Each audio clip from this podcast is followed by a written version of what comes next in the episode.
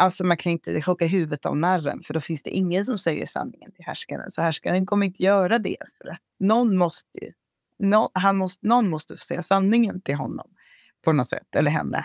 Vilket det väl inte så ofta var. Men, men att, att den... Att, ja, jag tänker att komiken har... Kom, kom, komedin har också den... Eh, liksom att dra ner brallorna. Att visa liksom, att kejsaren är naken.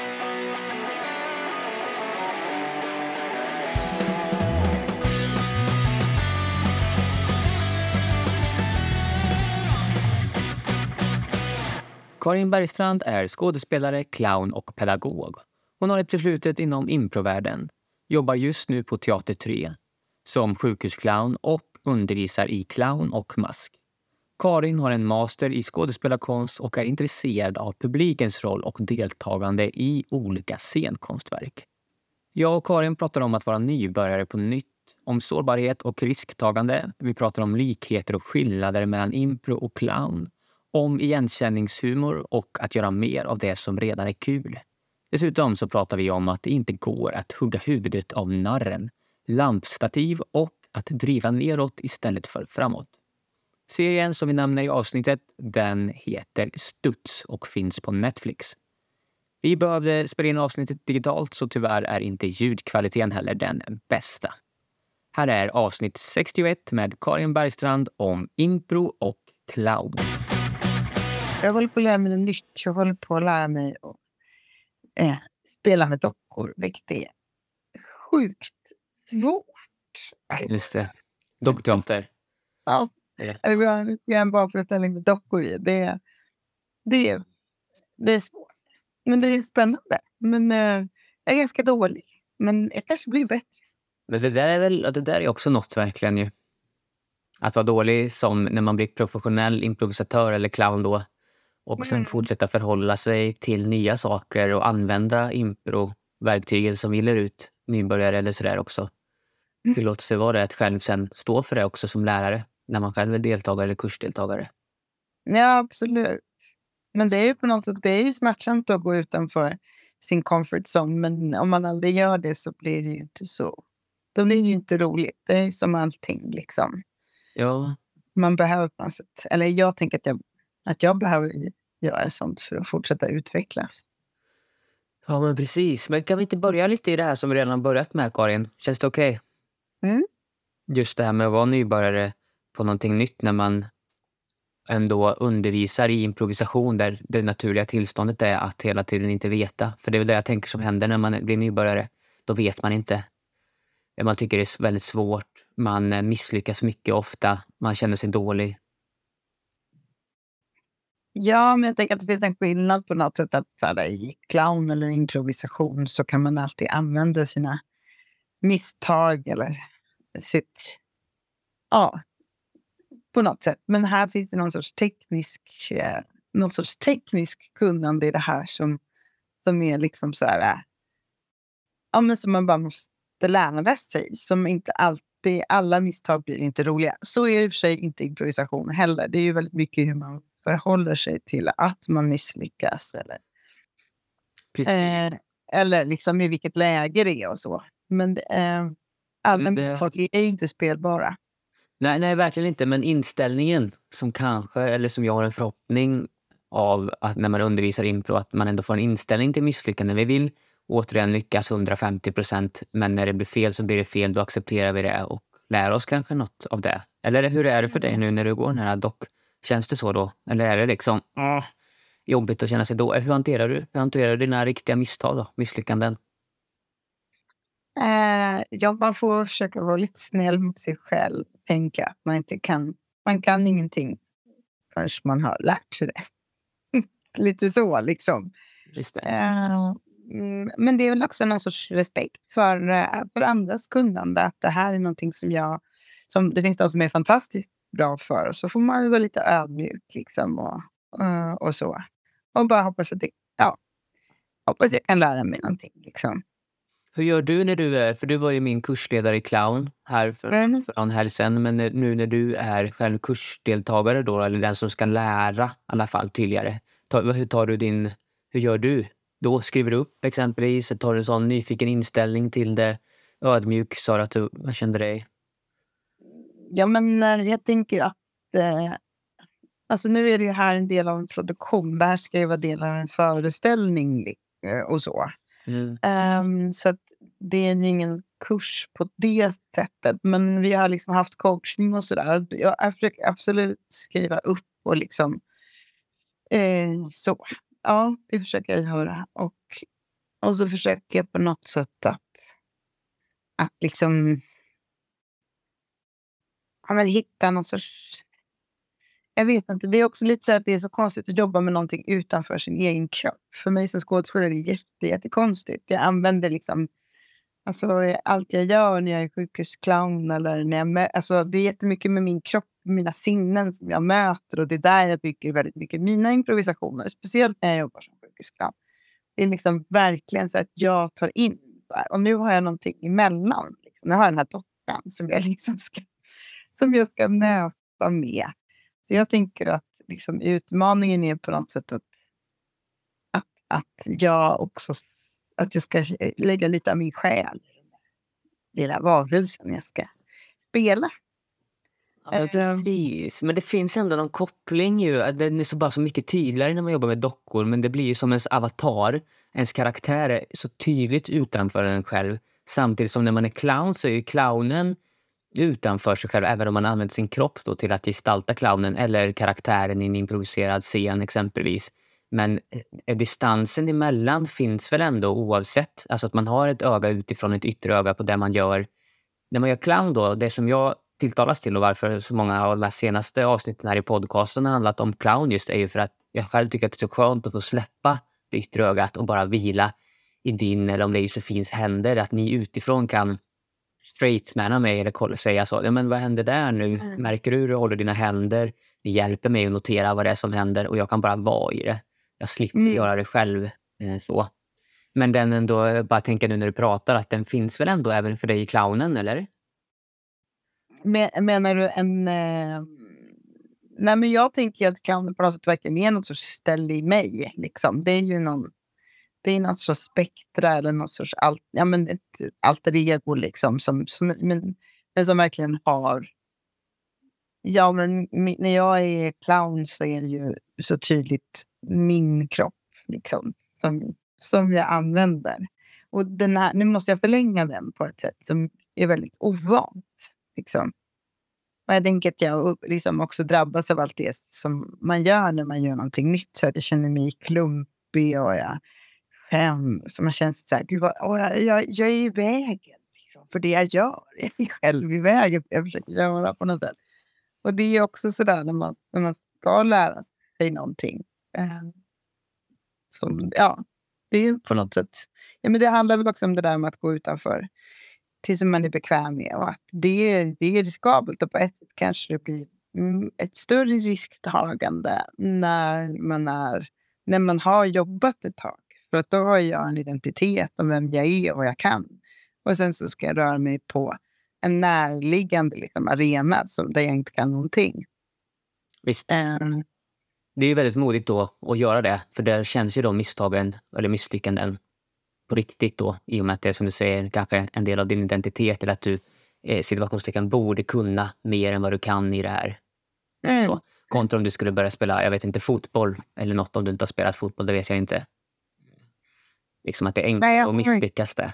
Nej, de har inte det. Nej, men precis. Det finns något i, i teknik och smak här. Alltså du har en smak, du fattar för du har scenkonsten har den här. Alltså du vet vad scenen här skulle kunna ha, eller i dockscenen nu då. Mm. Men dockan är ju tekniken för det att kunna vara som du själv säger, du är i vägen.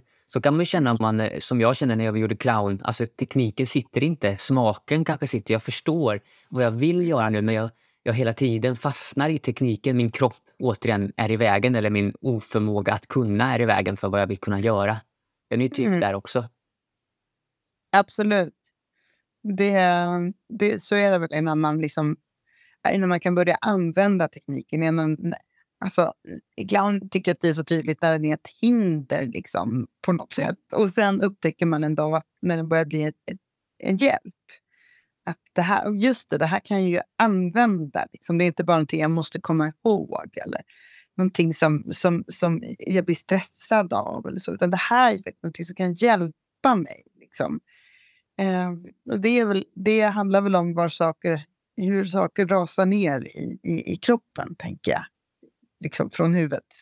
Det är också någon sorts läroprocess att det, från huvudet och så. Då, längre ner i, i, i kroppen. Men ibland tänker jag också att det är det där att man är i någon sorts akut tillstånd. Att, eh, att man är på något ställe som är osäkert. Det måste alltid finnas med. Så att om man behärskar tekniken så måste man sätta någonting annat på spel. Annars blir det inte intressant. Annars blir det dött, tänker jag. Det måste finnas någonting. Det måste gälla. Liksom. Och egentligen gäller ju det all scenkonst. Men, men, men, men för clown i allra högsta grad. Liksom. Och också i improvisationsteater, det tyckte du sa bra där. Du sa eh, ja men precis, lös inte problemen, förvärra problemen. Och jag hela tiden tänker att det är samma sak. Eh, och jag brukar ha liknelsen med att amen, vi börjar allihopa börja gå på impro, då går man på, balanserar man på en smal tråd. Man vet inte vart man ska, det är lätt att falla. Men ju skickligare man blir på att hantera ovissheten genom att man blir duktig och lär sig tekniken, desto bredare blir den. Här. Till slut blir det en bro, men då behöver man ju ta bort och skala ner och göra det svårare för sig själv på olika sätt. Mm. Eh, kanske genom spontanitet eller eh, att busa med varandra eller fånga upp någonting som händer i nuet av publiken så att det gäller nu. Ja, för annars så blir det ju... Då tappar vi... Eh, om jag inte själv är fokuserad som skådespelare, improvisatör eller clown på scenen för att jag inte är där, jag behöver inte vara där för jag bara är. Det bara är lätt en bro jag går på.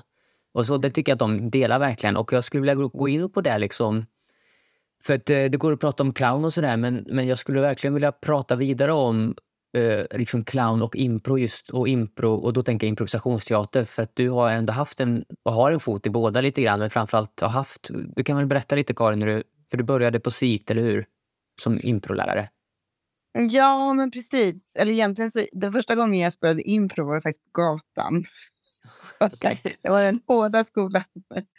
Det var en improvisatör här i Stockholm som heter Robert Weitz som, eh, som hade fått för sig, alltså det är jättelänge sedan, men han hade fått för sig att, att han skulle göra gatuteater med impro.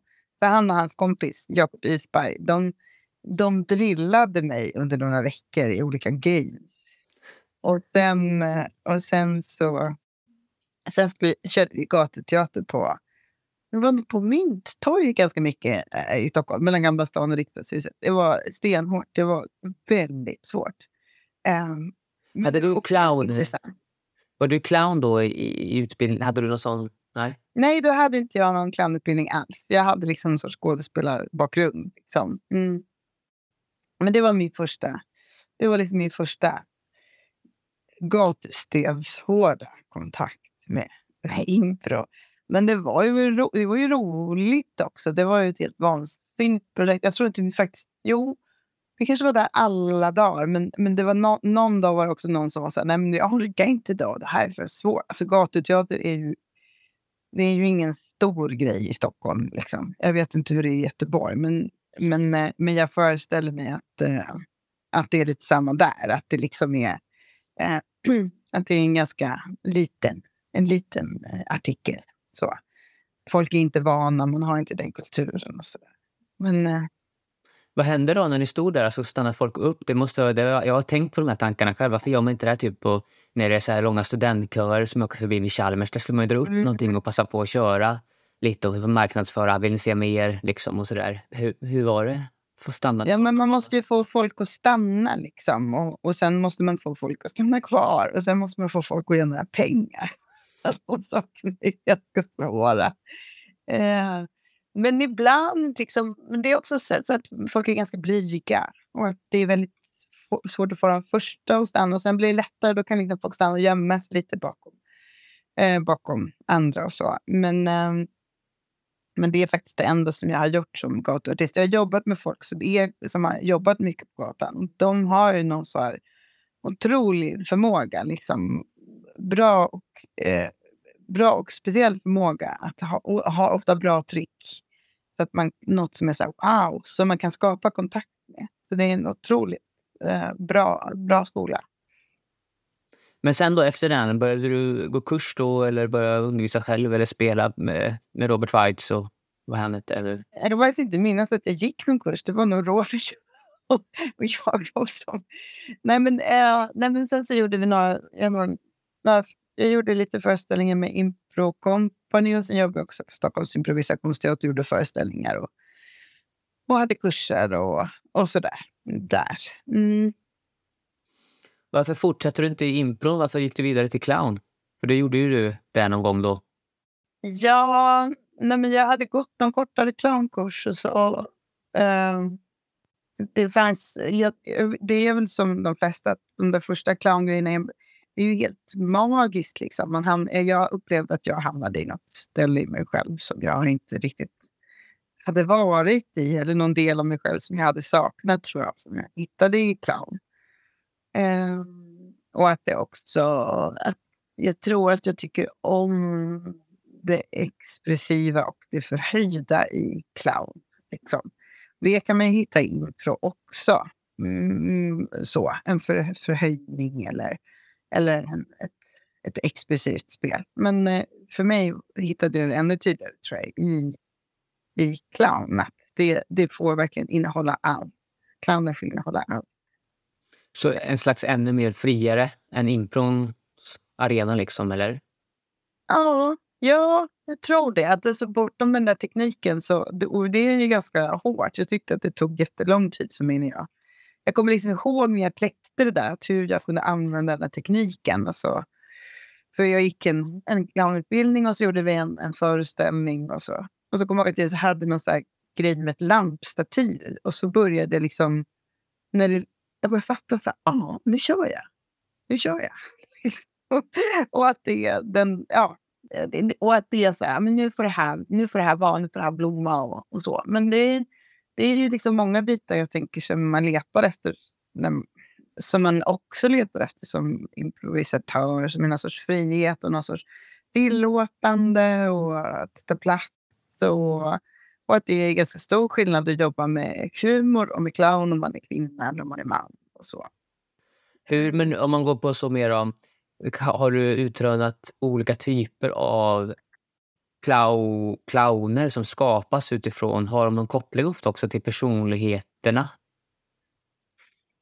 Ja, men, mm. absolut. Det, det, och det, det, det, det tycker jag det finns. Det är någon sorts energi som, som man känner igen i de, alltså de som jag känner privat som också är clowner. Så absolut.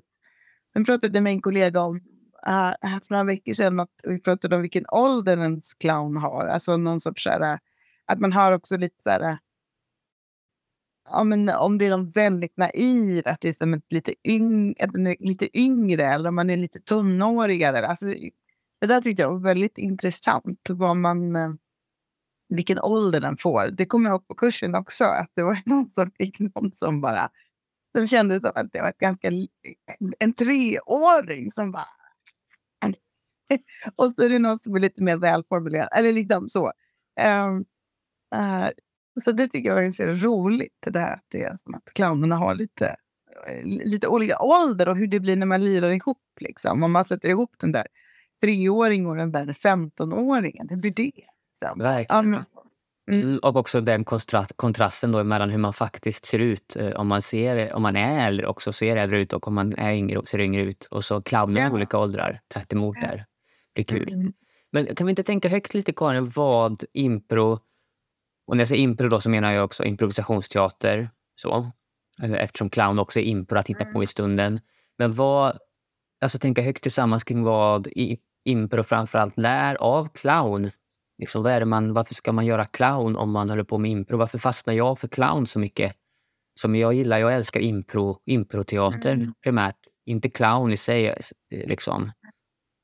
Och varför höll du... Men jag tänker att den liksom, skillnaden mellan impro och clown är väl kanske lite hur man förhåller sig till historier. Och liksom att impro ofta, tänker jag, är någonting, man driver någonting framåt och clown driver någonting neråt. Liksom att, att clownen bara har en sak som man, som man utvecklar, som, som man liksom kan spinna vidare på och som kan bli någonting ganska förhöjt och abstrakt. Eh, liksom. Uh, och att, att clownen också är... Jag tänker att impro är ju väldigt öppet mot publiken och publiken är en stor del av en improföreställning. Och att att, att, och att clown, men clown spelar ännu mer, eller har möjligheten att spela ännu mer på publiken. Liksom. Um, jag menar, Lasse Beige är ju fantastisk med det. Liksom. Han kan ju hålla på bara med publiken. Liksom. Det, och det är någon sorts konst. Och det tänker jag också, det är också olika för olika, vem man är som person. Hur, och vad man gillar liksom. Och hur, när, ja, hur man vill jobba med det. Men verkligen. Och det, du sa något där, jag, jag tänkte att det var den där lampan du själv refererade till. Att ja, men nu, nu gör jag ju det här. Liksom, nu är jag den här med lampan då som du hade. Att, att det som man clown gör, man blir otroligt duktig på att gräva där man står och paketera upp det första som händer. Liksom. Och bara vara i det och göra det mer och mer. Och att det, det är så tydligt att det är inställningen av att om man tar det som scenen då, eller den här stunden i, i ögon, det här ögonblicket, det utvecklar sig. Om jag bara är uppmärksam och närvarande här och nu så utvecklar det och det rullar ut sig av sig själv då. För att jag lägger för mig går inte vidare. Och där tänker jag faktiskt att, att verkligen impro har jättemycket att lära ifrån clown i det där. För att det finns också impro som man spelar väldigt mycket så, som är så game of the scene. Impro när man liksom tar ett beteendemönster hos någon, eller man liksom man kommer inte vidare i storyn, för det handlar inte om storyn och det ska inte ske en, en karaktärsförändring eller utveckling. Eller, utan om jag eh, blir äcklad av fina saker så kommer jag vara det eh, i hela, hela scenen. Ja. Jag går tillbaka och så kommer någon med ros och så ser man mitt uttryck som är Åh, det luktar gott, vad är det som luktar? Men sen så ser jag att det är en jättefin ros och så blir jag äcklad av den ändå. Att det liksom stannar... Det händer ingen förändring så. Och som du också säger med att notera publiken. Där gör ju clown det väldigt mycket mer och impron gör ju det lite, lite, lite. Eh, men att det som man kan göra där, ja, det är att verkligen se det som mer gåvor från publiken än vad man gör i impron redan. Mm. Vi brukar bara ta någon typ av inspiration och möjligtvis att man bryter scenen och säger stopp, stopp, så här, det här funkar ju inte. Eller det här funkar jättebra, men vilket håll ska vi gå åt nu då? Vad tycker ni? Bara för att mer markera för publiken att det här hittar vi på nu det är, det är sant att vi gör det. Mer som ett verktyg för att visa det snarare än att faktiskt använda publiken som en del av föreställningen, tycker jag. Men det kanske också är någon sorts skillnad, liksom att, att, att clownen kan ägna sig bara åt det som, som råkar finnas i rummet. Mm. Medan, medan sen så när man gör en clownföreställning så har man ju också något annat. Liksom. Men i någon sorts grundläge. Jag tänker, impro är ändå så här, Eh, det finns någon sorts syfte som är lite mer formulerat som att du ska hitta på någonting. Mm. Och jag tänker att det är en skillnad. Att clown ändå är... Eller, det här är ju en typ av clown. Det finns ju jättemånga sorters clown. Men jag tänker att, att i den här komedie-clown eller mask-clown-traditionen så finns det ändå det här liksom, att man övar att, att bara använda det som råkar hända. Att inte producera. Mm. Och en, en del så och som improvisatör som är så otroligt skillad på att göra det och, liksom, och spinna på så kan ju det vara ganska svårt. Men ganska nyttigt tror jag. Så här, jag, jag ska bara vara här. Jag ska bara vara här och se vad som händer. Jag ska bara se vad det här nuet kan... Någonting kommer ju alltid att hända. Det är visst. säker på. Förr eller senare. Och vad kan jag göra med det? Istället för vad ska jag nu hitta på? Ja, precis. Men, men då om jag som improvisatör har den ingången att jag bara är i väntan eller jag är bara i det här som är nu och det är tråkigt Eh, I clown så blir det kul. Det blir skratt. Mm. Så det vill jag, alltså i improteater så vill jag, och speciellt då impro, improvisationsteater, komedi om jag säger så. Då. Alltså att, att syftet är också att vi ska ha det kul och publiken ska ha det kul och ha ett sånt löfte nästan mot publiken som clown, är min erfarenhet i alla fall, alltid också är. Att det blir roligt. Vad är det? Mm. det finns något också i eskaleringen och mönsterskapandet kanske hos clownen. Eh, och hur clownen också, i mitt huvud i alla fall, ja, men, frodas i det här liksom, ja, men älska mig, älska mig. Eller liksom, här på scen, stora ögon och titta som, som att man tittar nästan på sin eh, mamma och pappa. Liksom. Här är jag, här är jag. Mm. I det som är, och då blir man automatiskt skruvas åt att man förhöjer det som publiken skrattar åt. Ja, precis. Man har en hit eller en succé och den, när man får en sån så jobbar man ju vidare. Och det där kan ju barn. De vet exakt hur man gör det. liksom, att ah, ni tyckte att det var roligt, jag gör det igen. Men jag tänker att det också är något med clown, att det är, så här, att det är en insats som är eh, att, man, att, man, att, att näsan är liksom påstående och att det är en insats och att energimässigt också att man spelar på man går in på lite högre ofta energinivå än man kanske gör. Det kan man göra som improvisatör också, men jag tänker näsan också påstår någonting. Och sen så tänker jag att eh, när, när clown är bra så har man, men det är kanske med all scenkonst, att man inte har riktig kontroll som, som clown eller som improvisatör eller som skådespelare. Att det finns, och det, och det är någon sorts, den där stället där man inte har, alltså där man har lagom med koll. På, på vissa saker man måste man ju ha koll på. Men det är ett intressant läge och det är också ett läge som skapar kontakt liksom, med publiken. Om jag är helt klar liksom, på något sätt, om jag är, om jag är eh, helt säker och trygg och klar och vet exakt vad jag gör, då, då är det som att det inte riktigt finns så många ställen för publiken att gå in, tänker jag. Då är man, då är man ju där. Men om, om det är någonting som är ja, men just det där akuta. Eh, och som jag också tänker, det är det där, eller balanstråden, att gå där. Mm. tillsammans, eller publiken är med på den resan oavsett hur duktig man blir då. Ja. Ja, I de här reglerna, i situationerna som uppstår och, och så. Och sen finns det något som du också säger som jag tänkte på också nu. Och för mig är vi fortfarande kvar i att vi pratar högt tillsammans kring vad impro kan lära och clown. Och det finns något i tydligheten med riktningen liksom, och det uppstrukturerade och det väldigt så staccato-aktiga och uppvis och visandet. Ja, men vi behöver, du behöver inte säga att du är ledsen, visa att du är ledsen. Det finns Mm. jättemycket där man kan lära. Också någon typ av ordekonomi, att begränsa. Vad, vad vill du säga? Hur kan du säga det enklast? Och jag hade examination, examination här i förrgår med, på Mm. Josefins eh, kurs. Eh, och då pratar de om utvärderingen som om att clownen blev mer puckad. Liksom. Att man, när man blir clown så blir man ja, men, Mm. eh, 25 procent dummare än vad man är egentligen. Och på Ja. ett sätt håller jag med. Men på ett sätt så tycker jag också att man blir smartare. Ja. Där kan man, och det är de där lägena när man säger man säger det väldigt, väldigt enkla och simpla, men man säger det som faktiskt är. Mm. Visst. Liksom. Och det, att man krånglar inte till det, eller när man kommer till de ögonblicken, att man inte krånglar till det. Ja, men visst. Det är, det är sant. Men du spelar ingen impro nu alls, eller? eh, Alltså, impro Nej. Nej, men det gör jag faktiskt inte. Nej. du, var ju, lite, du var ju med i den här Impro All-Star, sa du, berättade du. Ja. Ett inhopp det var- i alla fall. Ja, jag gjorde en fullständig... Jag tyckte det var jättesvårt. Det var som att jag, att jag hade liksom lagt av mig. Som att det, var, oh, det, var, det kändes som det var länge sedan. Och, ja. Men det det- är också när det är sån... Det är publik som har sett föreställningen tidigare. De kommer också med en förväntan. Och jag, så man liksom inte har koll på vad det här ska innehålla. Eller upp, äh, innehålla visst men vad det här ska uppfylla. Eller vad, vad har de för smak? Alltså jag kände som att jag inte riktigt visste det. Vad tycker de här är, ro, är roligt? Liksom. Så. Eh, vad kan man ge de här? Det var som att jag inte riktigt kände publiken längre. Tror jag för att det var så pass länge sedan jag, jag spelade. Mm. Just det. Men för det indikerar ju då snarare att impro och clown är liksom lite längre ifrån varandra. Eller jag vet inte, du, jag gissar att du inte var så mycket clown då i och för sig ändå. När du var, eller i det där liksom. Fast det kom det tillfällen när du kunde passa på att skapa mönster, mjölka ur, för någon skrattade i publiken. Gjorde du det mer då? Där de ska, använder du något av det som du jobbar med? Jo, nej, ja. Nej, jag tror jag var så fokuserad liksom på att okej, nu är det här intro. Vad, vad ska, hur, ska jag, hur ska jag orientera mig i det här? Liksom? Vad blir då nästa steg på något sätt? Mm. Mm.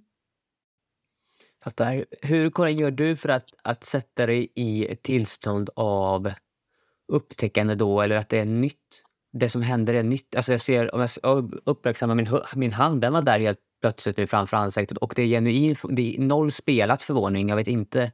Men jag märker, upptäcker den i nuet på riktigt. Och gör något, liksom, hur sätter du dig i, i, i barntillståndet kanske? Förundran, kan man säga så? Du menar med, med, med just med clown, eller? Ja, med clown, men också kanske om du gör nu dockteater, att du kan använda dig av det även där, det vet jag inte. Ja, men jag tänker man kan använda det som en närbas, liksom en närvaroträning. Så. Nej, men jag tänker att det är liksom... det är väl det, här, det som är grundande och det som gör mig närvarande. Och det är ju clowntekniken väldigt bra hjälpmedel. Liksom. Att, att höra ljuden, att liksom faktiskt höra, att faktiskt se. Och det är genom sinnena jag på något sätt blir närvarande i ett rum. Och jag tänker att, jag, liksom, att göra en sak i taget är också någonting som verkligen kan göra mig närvarande. Och ofta, ofta liksom om jag tänker att jag kan använda min medspelare, att jag kan liksom verkligen eh, ta in den, se och höra, vara med den. Liksom. Eh, det, det tänker jag är, är sånt som, som, som försätter mig i något sånt. Eh, något sånt. Ja, men i, in, i någon närvaro. Liksom. Och sen tänker jag ibland också att man är så här, o, olika dagar är man lite och, och, och, olika vilja att, att, att liksom sätta sig där ute. Ibland så går det alldeles utmärkt att liksom överlämna sig till någonting utanför mig själv. Eller liksom till den där närvaron eller till ett ställe där man inte har så mycket kontroll. Och ibland är det liksom jobbigare. Så är det ju bara. Och tillsammans med vissa så är det väldigt enkelt. Och, och man bara gör då. Om man tillsammans med andra är det, är det svårare. Det är ju liksom ingen absolut förmåga, tänker jag. Det är någonting som skapas av både eh, de andra och av det sammanhang man befinner sig i. Liksom. Man kan ju inte gå omkring och vara så här, konstant clownstrålad närvarande överallt. Då skulle man bli helt... Man inte komma någon vart. Nej, men man skulle väl leva, man skulle väl ha det väldigt eh, kanske härligt i stunden. Det skulle bara vara ett nu ju. Mm. Så. Ja. Men, men det är olika som du säger. Ibland är det lättare att vara närvarande och ibland är det svårare. Men finns, finns det där återigen, utöver sömn, jag vet inte, sömnkost och att man haft lite lugnt på dagen? Så, är, är det något speciellt du har hittat, något sätt som gör dig mer... Som jag tänkte man kan ta med? Ingen aning om det är någon ritual eller någonting, det vet man. För uppväxten jag, jag, jag tror jag nämnde det liksom på, på kursen också. Att, eh, att eh, Ja, men det, var, det, det är egentligen en citat från en, en serie som där, där det är en skådespelare som han intervjuar sin terapeut. Och den här terapeuten säger fantastiskt mycket smarta saker. Och han säger bland annat att det är vår sårbarhet som, som kopplar liksom tillbaka oss i världen och som skapar kontakt och så. Och det kan jag att tänka på. Liksom att ja, men det är inte, det är inte liksom det här som skapar kontakt. Utan det är ju på något sätt när, när människor är, att det är också min egen sårbarhet. Och att våga vara i den som skapar kontakt. Även om det kanske inte handlar om min sårbarhet. Men jag tänker att just den stunden. Men att det är ändå någon sorts öppenhet. Eller, eh, och det att, att, inte vara, att, att heller inte vara för säker eller för stängd. Eller för för liksom stark kanske.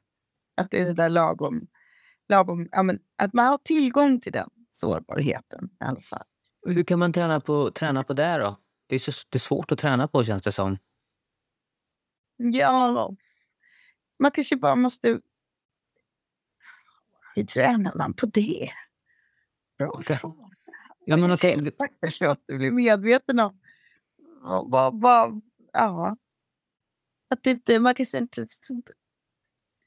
Att inte vara rädd för att, att vara där. Kanske. Och kanske också veta vad det är. Liksom. Vad är det för ställe i mig? Så. Ja, och sen så finns det ju någon, någon, någon... När det blir... Transparensen blir också utelämnande för mycket om sig själv. Alltså att man gör eh, övertramp på sin egen integritet. Och Det är ju olika från person till person var man känner att den gränsen går. Så det är helt subjektivt gällande vart det är någonstans och vilka områden och allting sånt. Mm. Men också där liksom ett publikansvar på något sätt. Att det kanske inte är publik... För sårbara, eh, att vara sårbar på scenen kan ju också provocera viss publik, tänker jag. För att det, ja. du säger att det connectar oss och det håller jag med om att göra man känner att man är samma. Men det kan också påminna om sidor som jag har eller som någon i publiken har som de tycker är extremt jobbiga att närma sig. Men jag tycker personligen att det är väldigt fint också att se det på scenen eller bara se någon... Ja, men jag vet ju, Ida känner jag väl och det är helt okej att prata om henne. Så, här, men, så när vi var i clownkursen, att hon, hennes clown fick en stund där hon liksom inte visste vad som ja, Hon visste inte vad som hände, hon förstod inte någonting. Hon bara sa det. och blev Mm. såklart liksom ehm, lite blyg i det. Så där. Och det var så, var så himla fint och så, också, också väldigt lust och kul att se liksom, i det. Och Ja, liksom att, varför skrattar så? Jag vet inte varför jag skrattar. Det bara kul. Ja, det är bara kul. Och bara inte hitta på något, inte konstruera något i det där. nej. Men det är också på något sätt det som, som är liksom clownens privilegium. Det är ju att få vara helt ärlig. Det finns något i ärligheten. Ja. Också så här, man får vara ärlig med det som, som, som händer. eh, Både med en själv och, och med publiken. Att, så här, nej men, att man inte vet varför man skrattar eller att man inte vet vad som ska hända. Eller att, att, att om man liksom kan...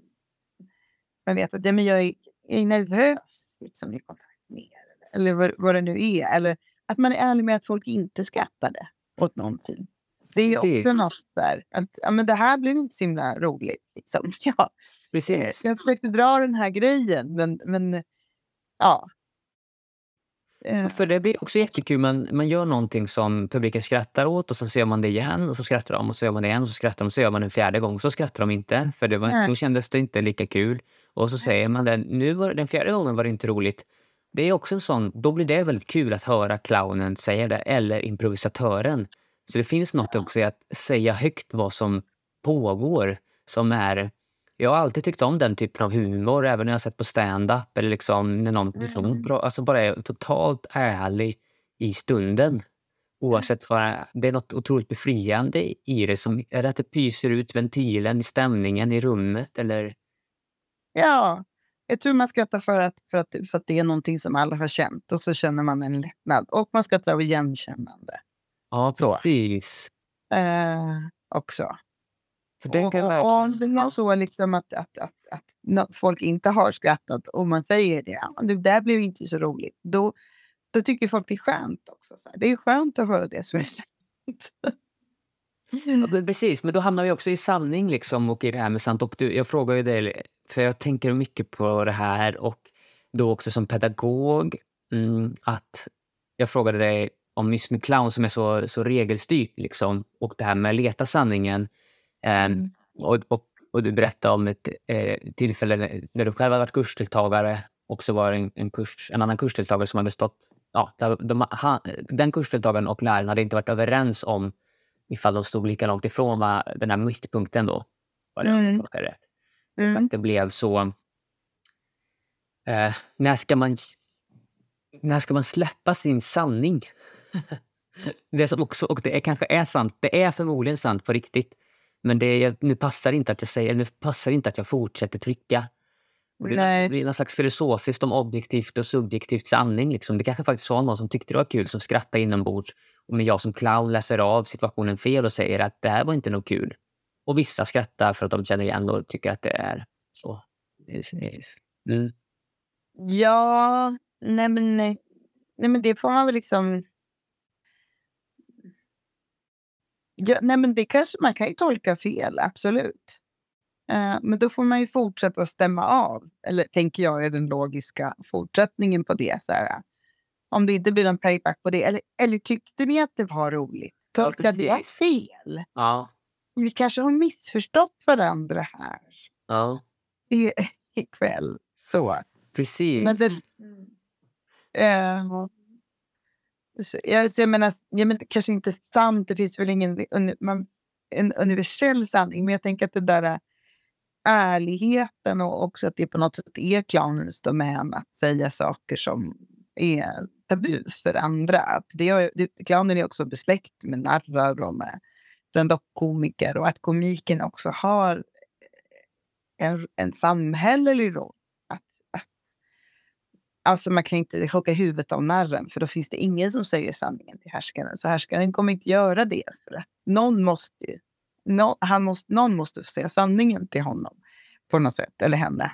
Vilket det väl inte så ofta var. Men, men att, att den... Att, ja, jag tänker att komiken har, kom, kom, komedin har också den... Eh, liksom att dra ner brallorna. Att visa liksom, att kejsaren är naken. Eller att göra satir av. Att, att visa hur absurda våra liv är. Ja. Eh, eh så. Det fin- eh, och, och, och att också plocka ner makten. Liksom. Det, Det är därför också The clownen är så himla tilltalande på något sätt. Eller ja, men yrkesvalet kanske av att, att jobba med improvisation eller improvisationskomik eller eh, clown eller vad det kan vara, eller stand-up. Att man har det där lättsamma samtidigt som man har det där ah, eh, mer djupa i det. mm, Och nu när du pratar att få upp en sån bild bara av att också clownens uppgift, eller det den gör på något sätt, är ju att den skapar en situation. Den är extremt, tekniken är så bra för att skapa en situation som sen... Eller, ja, precis, det, skapa en, en verklighet tillsammans med publiken som man sen också håller med, att man sen tittar på den situationen utifrån samma blick. Och det är något Mm. väldigt härligt i det, som du sa sen. Eller, det, det här var inte så kul. Eller? Och sen så ser du att nej, men det, folk kanske inte höll med om det och då är det transparent som du sa. Eller har jag missförstått det nu? Ja, tänker publiken då. Ja, men då, då, nu är vi med på samma sida. Ja. Det här blev en situation jag missförstod er. Vad konstigt det blev. Eller blev det inte så konstigt? Jo, men nu gör jag en stor grej av det för jag fortsätter prata och så använder man det där att man gräver ner sig i det. Ja, men på något sätt är väl det där också att humor så extremt lokalt. Alltså man kan bara skratta åt saker som man känner till. Man skrattar, alltså, förstår du? Man, det, det är det man kan skratta åt. Och, Ja. och, och det är väl också det så här, men det är vi i det här lilla rummet. Vi skrattar åt det här. Sen finns det saker som folk över hela världen kan eh, eh, skratta åt. Men, men, men det, jag tänker att det, det, det är en sån social, lokal grej med, med humor på det viset. Att man skapar det. Men verkligen. Och, och jag tänkte, när du sa det direkt så tänkte jag direkt så här, när man använder gibberish då, eller inte pratar och sådär, att man inte förstår ordet, då förstår man ju inte. Men samtidigt det man förstår och skrattar åt är ju då kroppsspråket eh, eller kommunikationen som sker utan språket. Så det är sant, man skrattar ju bara åt saker man förstår. Man skrattar bara lokalt. Man behöver ha referenspunkter eller tolka. Det är därför man också kan skratta åt en pjäs som är jättehemsk egentligen om man inte förstår pratet för att man kanske ser roliga, eller man, tol- man gör en tolkning på det men det Mm. relaterar, det prickar mig någonstans eh, och gör en Mm. koppling i mig som gör att jag tycker det blir kul. Då. Ja, precis. Och är det något som är helt okänt eller nytt eller obegripligt då, då skrattar man inte. Det, fin- det måste finnas den där igenkänningen, tänker jag. Och den igenkänningen är ju, alltså det som vi oftast tror är våra egna hemligheter, eh, saker som vi gör eller saker när man, situationer man uppkomst i när man skäms eller bara att alla går på toaletten och bajsar, det är en sån sak. Alla gör ju det. Liksom, alla kan på riktigt. Det vad det innebär att vara människa. Ja, men, eller, eller kanske att man har varit sårbar på något sätt. Och det är väl det som då är clownen, varför det är så viktigt att vara sårbar. Eller säga det där som du sa med narren. Mm. Återigen, tänk Mm. bara högt Karin. Men, och skapa komik. Alltså det är extremt duktiga på att skapa igenkänning då. Det är det Mm. primärt. Ja, liksom att spegla och att liksom... Att clownen är ju också någon sorts sådär, bärare av alla våra misstag. Liksom. Eh, att att eh, clownen gör det som, som vi alla är rädda för. Att vi ska förlora ansikte eller, eller att man ska trilla på det där bananskalet inför alla. Och så skrattar man för att man är glad att man slipper göra det. Då är clownen någon sorts ställföreträdare också. Ju att, att, att, att någon som gör det där som jag är mest rädd för ska hända mig socialt. Liksom. Mm. Eh, Det blir som att eh, clownen jag blir en egen, eh, för att återknyta kanske, jag försök till i alla fall, en egen en docka utifrån som publiken har. Inte som de nödvändigtvis styr, men en docka precis som den här dockteatern som du är inne och jobbar i. Att det någonting emellan dem själva, men det säger någonting om dem själva i alla fall. ja. ja. Eller som du själv som Mm. representant över, över en Mm.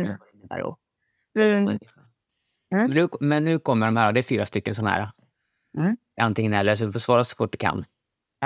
Mm. Eh, så eh, clown eller impro då, om du gör det för dig själv eller publiken. Och för mig själv. Kaos eller ordning. Kaos. Uppvärmning eller inte. Uppvärmning. Undervisa eller spela själv. Spela själv. Ja, men jag tänker nog att... Nej, men sen, var inte rädd för publiken. De tittar på dig, men du kan också titta på dem. Titta och se vad du ser. Ja, jag ser. Är det något eh, sista du vill säga eller så där, något du har dykt upp eller tänkt på? Nej, men det var fint att vara med.